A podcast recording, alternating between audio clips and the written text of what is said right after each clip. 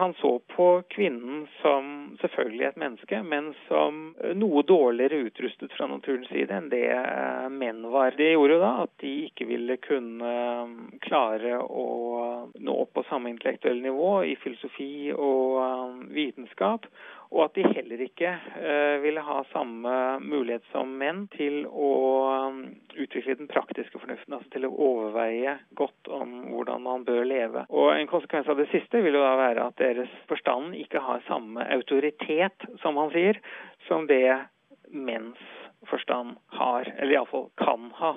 Aristoteles var ingen demokrat. Kvinnesynet til Aristoteles er kanskje av en annen tid, men mye av den øvrige filosofien er aktuell nå mer enn 2000 år seinere. I dagens utgave av X-Fil-losen skal vi snakke om Aristoteles metafysikk, og vi skal snakke om hans syn på det gode liv. Eureka! Nå veit jeg svaret! Altså, de første filosofene lurte på hvor alt kommer fra, og hva alt er laget av, men de hadde ikke rett. Krigen er ikke alle tings far, og alt er ikke laget av vann.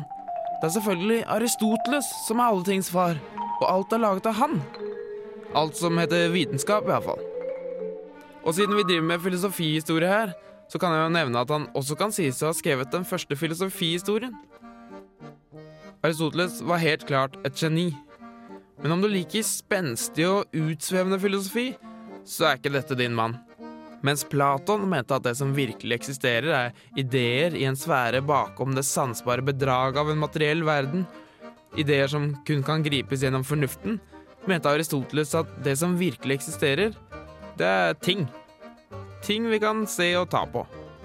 Og mens Platon mente at vi er født med kunnskap som det gjelder for sjelen å gjenerindre, trass i kroppen og sansningens forstyrrelser, mente Aristoteles at innsikt nås gjennom en kombinasjon av rasjonell tenkning og nøye observasjon. Og hvis du lurer på hva slags person du bør være for å være lykkelig og være god, er selvfølgelig svaret at de gode karaktertrekkene ligger ca. midt mellom to dårlige karaktertrekk.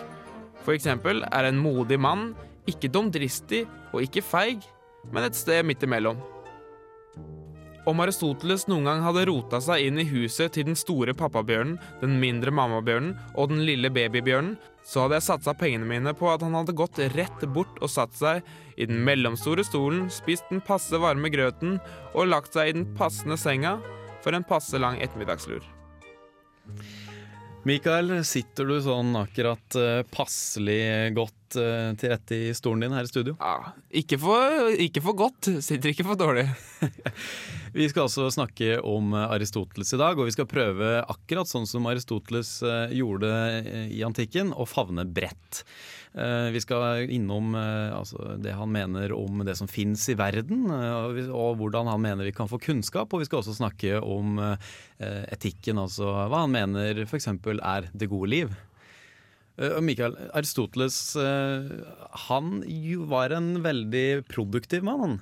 Ja, det er helt vanvittig hvor mye han har skrevet. Eller det er også noen som mener at kanskje ikke det var så mye han skrev som, som bøker og sånn, at det kanskje er forelesningsnotater, kanskje det er noen andre som har notert. Men uansett så skjønner jeg ikke hvordan så eh, mange ord kan ha kommet fra én mann eh, i ett liv.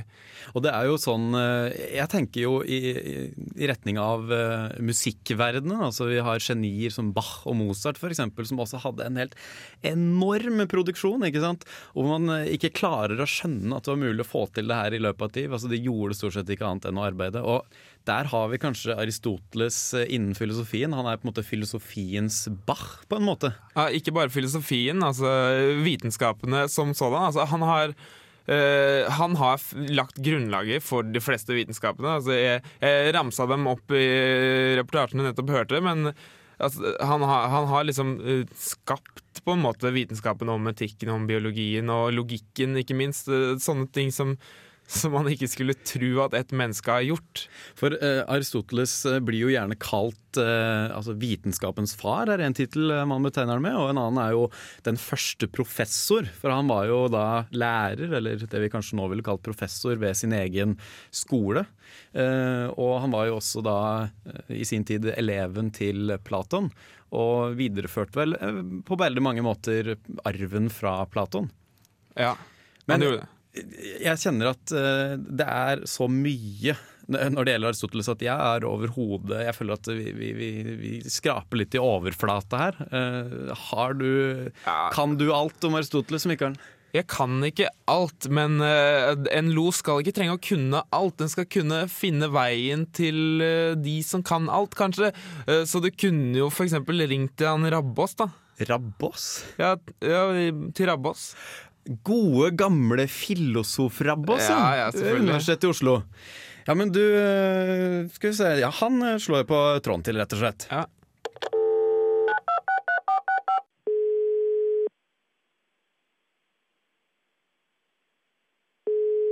Eh, ja, Øyvind uh, ph.d. og professor i filosofi ved Universitetet i Oslo og ekspert på Aristoteles. Hva kan jeg stå til tjeneste med? Ja, hei sann, Øyvind Rabbås, eh, Aristoteles-ekspert.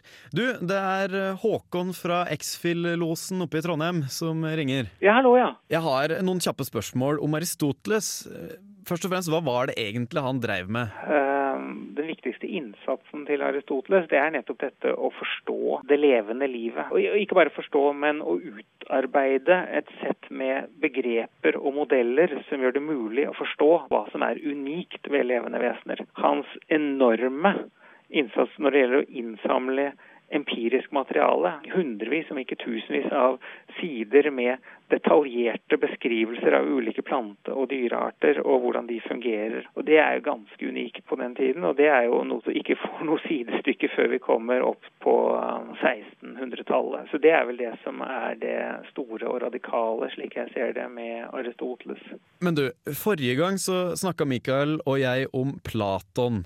Og hvordan han skiller mellom denne idéverdenen som vi bare kan nå via å tenke veldig hardt, og den fysiske, materielle verden på den andre sida. Hva sier egentlig Aristoteles om det her skillet? En måte å si det på, det er det at eh, for Platon så vil en idé, f.eks. Uh, rettferdighetens idé eller uh, motets idé, den vil eksistere helt selv om det overhodet ikke eksisterte rettferdige mennesker eller handlinger eller samfunn eller lover. Mens for Aristoteles så vil eh, form, tings form, altså organismers form, vil ikke kunne eksistere hvis det ikke eksisterer konkrete eh, planter eller dyr eller mennesker som har disse formene. Eh, altså rosens form opphører å eksistere hvis roser opphører å eksistere. Ja, ok. Men hva sier Aristoteles om den naturen vi ser og føler rundt oss nå, da? Er alle ting av samme natur, på en måte? Noen ting som finnes er naturlige ting, mens andre er eh, kunstige eller menneskeskapte ting. F.eks. redskaper, klær, hus og sånt. Og når det gjelder naturlige ting, må de igjen deles i to typer, ifølge Aristoteles, nemlig de som er levende, og de som ikke er det. Steiner og fjell og gullklumper og sånt. Og så går Aristoteles eh, videre og forsøker å forstå disse ulike typene av ting. Og den typen ting som han er mest opptatt av, helt klart, det er de levende ting. Organismene. Planter, dyr og mennesker. Og grunnen til det, det er at han ser på disse tingene som de vanskeligste å forstå. Ja, Aristoteles skriver jo mye om alt mulig rart, eh, om eh, den verden vi lever i og, og mennesket. Gir han oss noen tips om eh, åssen vi skal tenke for å komme fram til kunnskap om eh, verden? Aristoteles skrifter er jo veldig omfattende og tar for seg alle deler av virkeligheten. eh, I hvert fall så godt som. Men eh, han er jo også opptatt av vår erkjennelse og språket og vår måte å tenke på. Fordi skal vi forstå virkeligheten, så må vi gjøre dette på en systematisk og um, holdbar måte. Så han eh, har noen skrifter som handler om språk og tenkning. De er gruppert sammen under uh, tittelen organan, som betyr eh, hjelpemiddel eller redskap. Det han gjør der, det er jo nettopp å kartlegge både ulike typer ord eller elementer i språket, men også hvordan vi skal føre vår tanke gjennom resonnementer som er holdbare. Og I den forbindelsen så utvikler han eh, logikken, altså læren om hva som er uh, gyldige slutninger, som det heter. Altså hvordan vi på en uh, uangripelig måte kan slutte oss fra visse premisser til en konklusjon som nødvendigvis må være sann hvis premissene er sanne. Og det er jo en bragd eh, som er blitt stående. Aristoteles er den første som utvikler formallogikken, som det gjerne kalles, altså læren om gyldige slutninger. Denne læren er selvfølgelig blitt utvidet enormt siden Aristoteles eh, dager, men, men Aristoteles er den første som gjør dette her, og, og, det er jo også noe av det som gjør at han fortjener en plass i vår eh, tradisjon. Ok, ja, men du tror, tror jeg nesten vi må slutte, for nå er det noen studenter her sånn, som uh, trenger uh, litt opplysning. Så, men vi kan jo snakke igjen senere, hvis det skulle trengs. Ha det bra. Ja. ja, Rabbås er jo en populær uh, mann der nede i Oslo, og det er ikke noe å si på kunnskapen hans. Erdal, eh, Mikael. Eh, fikk vi kanskje oppklart litt her, eller i hvert fall fikk ja. mulighet til å stille oss litt flere spørsmål, om man kan si det sånn. Det her var mye. Det var mye på en gang. Ja, og det er ikke rart når Aristoteles skriver om så mye, så er det selvfølgelig mye å ta for seg. Eh, vi snakker om eh, nå, nå, er vi på en måte inne i, i det landskapet hvor vi, vi, vi, snakker om eh, metafysikken og erkjennelsesteorien til mm. Aristoteles. Kan du forklare litt hva legger vi i det her begrepet?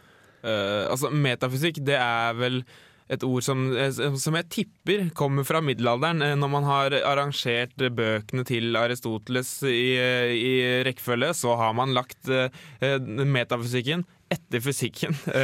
Det betyr bare etter fysikken. Så det er den, de bøkene som kom etter fysikken. Han har skrevet bøker som heter Fysikken. Han har også identifisert fysikk som en egen gren av vitenskapsgren.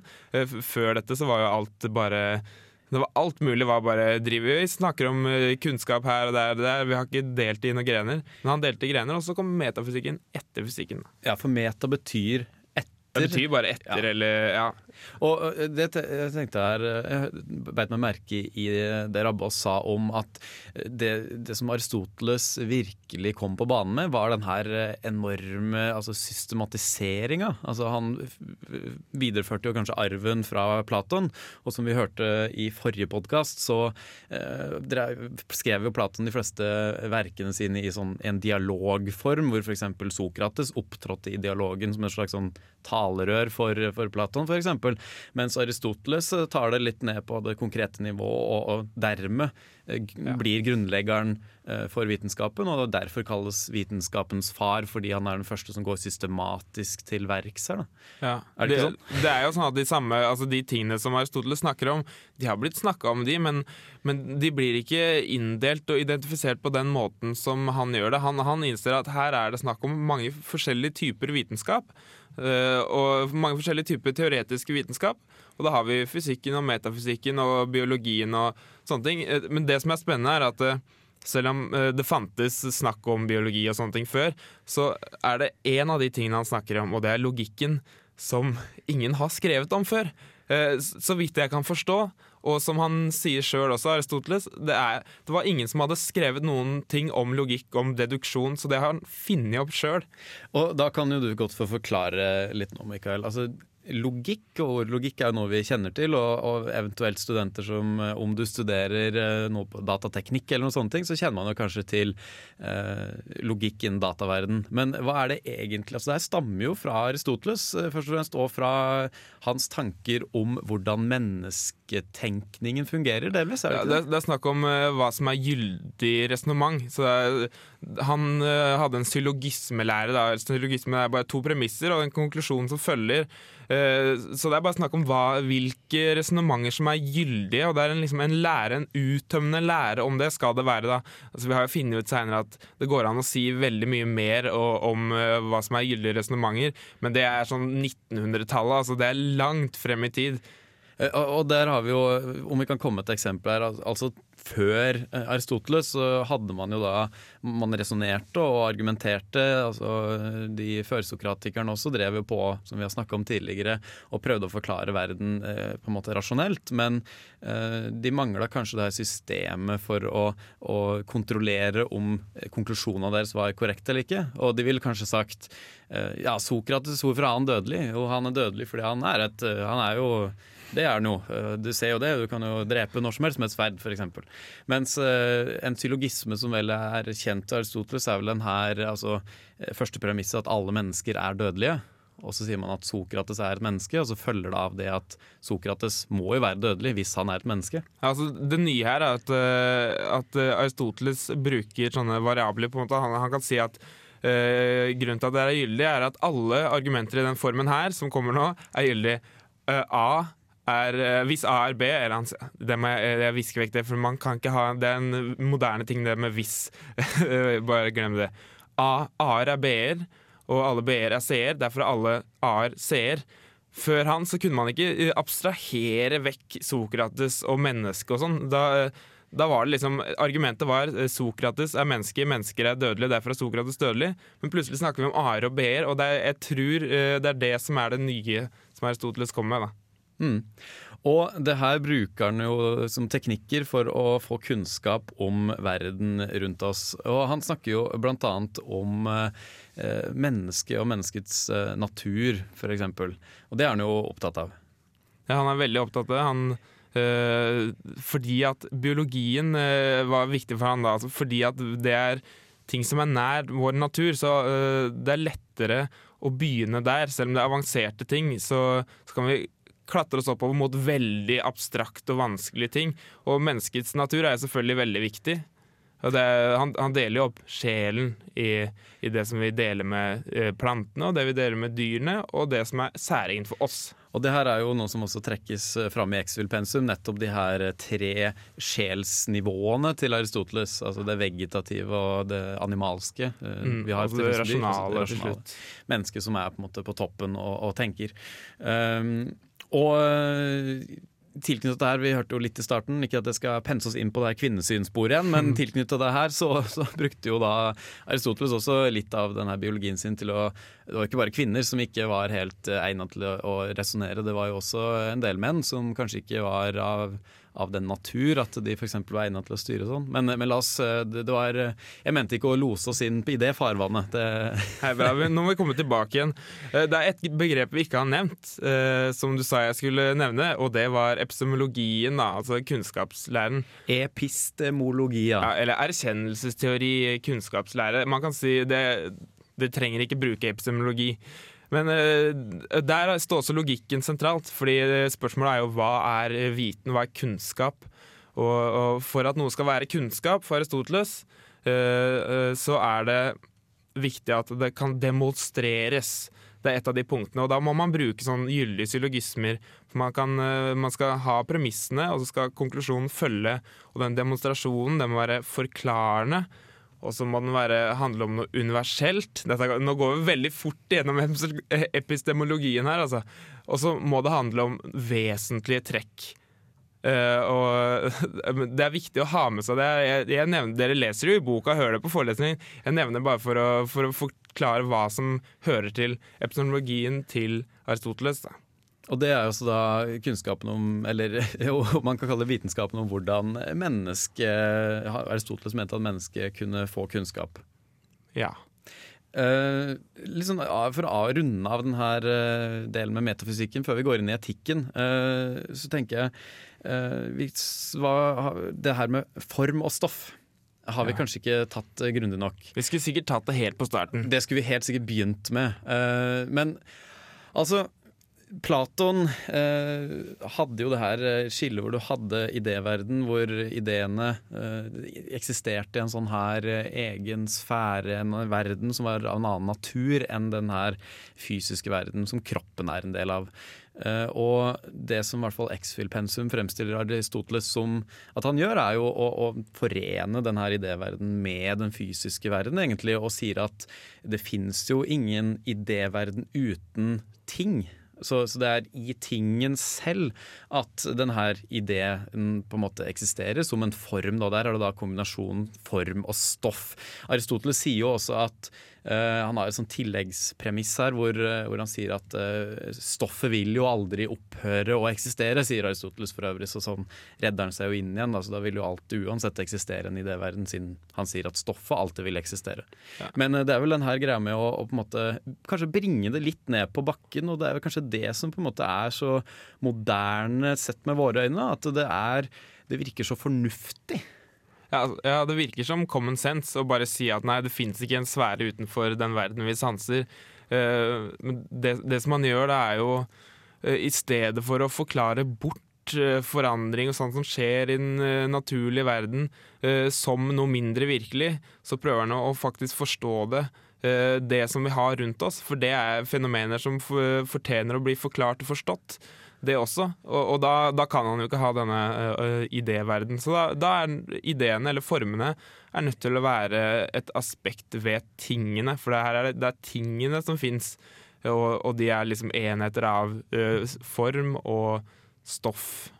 Og det, det, som er verdt å merke seg her, er jo kanskje nettopp det at vi nevnte at det høres jo så commonsensisk ut. Det, det, her er jo fornuftig. Selvsagt er jo formen en del av stoffet osv. Men, men eh, vi kan jo antageligvis eh, takke Aristoteles delvis for altså nettopp den måten vi har å tenke på om verden rundt oss i dag.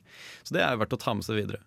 Men jeg tror vi må pense videre til, eh, for å ta en, låne en analogi fra togverden her, inn i, i, i, havets rike.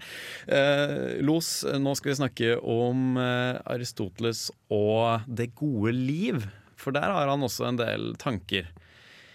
Ja, Du kunne jo f.eks. Eh, prøvd å ringe Rabbås igjen. Tror du han har tid?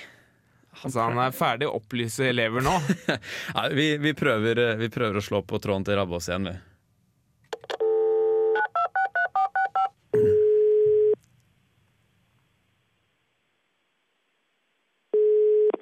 Øyvind Rabbås, eh, ph.d., professor i filosofi ved Universitetet i Oslo eh, og ekspert på Aristoteles. Hva kan det stå til tjeneste med? Hei, Øyvind Rabbås, ekspert på Aristoteles. Det er Håkon fra X-Filosen som ringer opp igjen. Å, det er deg igjen, ja. Ja, jo, ja. Hva, hva gjelder det? Du, Da jeg ringte deg i stad, så glemte jeg helt å spørre deg om Aristoteles' syn på det gode liv.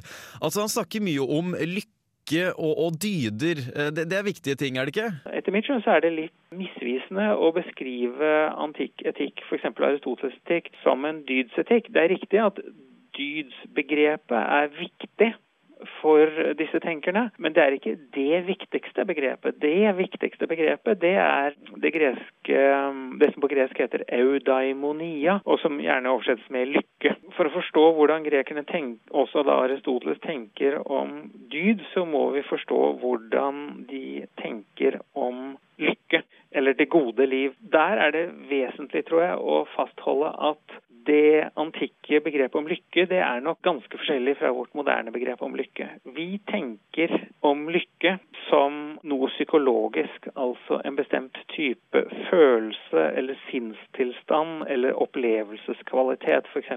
glede eller det å være i en positiv stemning, det å være oppløftet, lett til sinns eh, eller noe lignende. Mens begrepet lykke, altså eudaimonia for en antikk tenker, det handler ikke om det i det hele tatt. Det handler om det å være vellykket. Det å lykkes som menneske. Det å leve sitt liv som menneske på en god og vellykket måte. Nå er det klart at Noen kan jo da mene at vi lykkes som mennesker når vi får mest mulig glede og positive sinnstilstander nytelse, som um, grekerne ville karakterisert det som, uh, det er jo da hedonistene. Og det fins hedonister i uh, antikken. Uh, epikur og epikurerende er jo et godt eksempel på hedonister. Men det er bare ett svar på spørsmålet hva er det som utgjør lykken. Det er ikke slik at begrepet lykke er det samme som begrepet om en positiv uh, sinnstilstand. Og flertallet av antikke filosofer, f.eks. både Platon, Aristoteles og stoikerne, vil jo si at jo da, lykke i betydningen nytelse eller en positiv, oppløftet sinnstilstand, det kan helt klart ha en verdi for oss mennesker. Men det er ikke det mest verdifulle som fins, og det er ikke verdifullt uten kvalifikasjoner. Det som er, det som er det mest verdifulle, det er å lykkes som menneske. Og det vil si å ha dydene, altså å ha disse egenskapene som setter oss i stand til å lykkes som menneske. Og så er da spørsmålet hva er det? ja. Slang han på der? Det gjorde han. Ja, ja, gode gamle Rabbås. Hva er egentlig det? Hva er eh, det gode liv, og hva er det som er den gylne middelvei, som vel er et begrep som kanskje de i middelalderen, når de fant igjen tekstene til Aristoteles etter en del år i eh, glemmeboka eller et eller annet sted, dypt nede i ei kiste, så satte de vel det eh, ordet på det. Ja, det, De var jo veldig interessert i Aristoteles i middelalderen. Men uh, la oss gå til antikken og faktisk spørre Aristoteles uh, hva er det gode liv, eller hvordan bør man leve? Uh, jeg, jeg, tror kanskje man kan begynne med hva spørsmålet er. for i moderne etikk, altså, eller ta kristen etikk, for det er noe som folk kanskje har vært borti, så er spørsmålet hva er galt å gjøre, hva er rett å gjøre. Og, og grunnen til at det er galt, er fordi at Gud sier at du ikke skal gjøre det. og sånne ting. Men her så er det mer eh, et spørsmål om hva slags person bør jeg være for å ha det godt og være god. Og det her ligger jo litt i eh, noe som vi kanskje har vært litt dårlige til å nevne. Det her med en, en tings uh, natur. Uh, og Aristoteles som snakker om det her med ulike årsaker til, til forandring. Uh, hvor en av de her årsakene til forandring er at noe søker sin natur. F.eks. en stein som ifølge Aristoteles faller til bakken fordi steinen søker mot jorda, for det er steinens natur.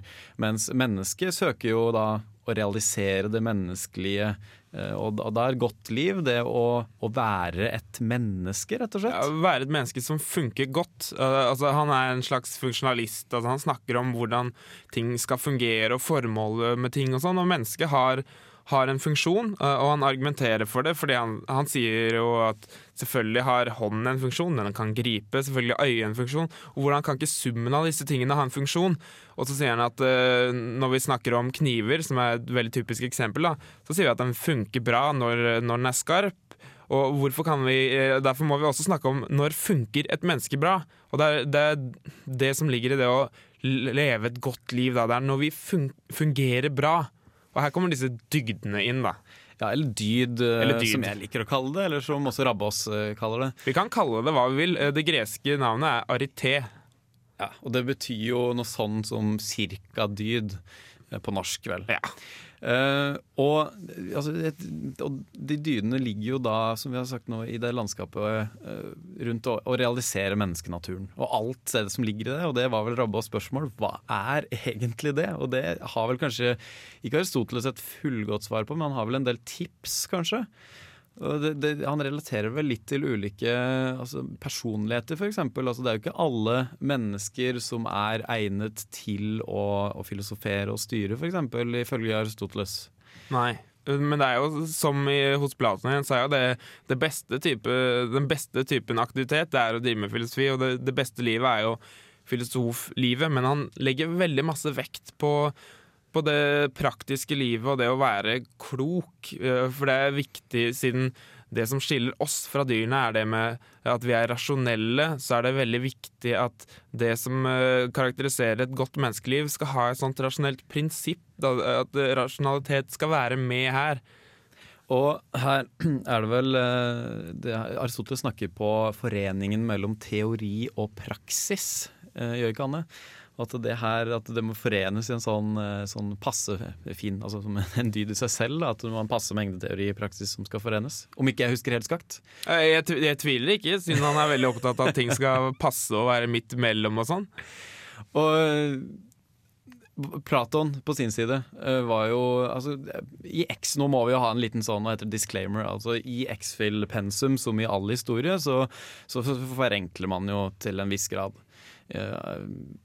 Platon er jo fremstilt uh, som Platon, og Aristoteles må på en måte skille seg litt fra Platon. Men det må jo nevnes at noen folk eh, vil jo kanskje si at eh, Platon og Aristoteles egentlig ikke skiller seg så veldig fra hverandre, at de egentlig stort sett mente det samme, men at f.eks. Eh, Aristoteles egentlig bare tok tak i Platons filosofi, og så, og så systematiserte Platons filosofi, og selvsagt forandra litt på det, men at egentlig forskjellene ikke var så store. At f.eks. begge, som du sa, Mikael, mente at det, det beste menneskelige livet er å være en filosof. Eh, for eksempel. At det gjelder både Aristoteles og Platon, men at Aristoteles kanskje tok det mer ned på et sånn, eh, sånn menneskelig, biologisk eh, plan, da kanskje.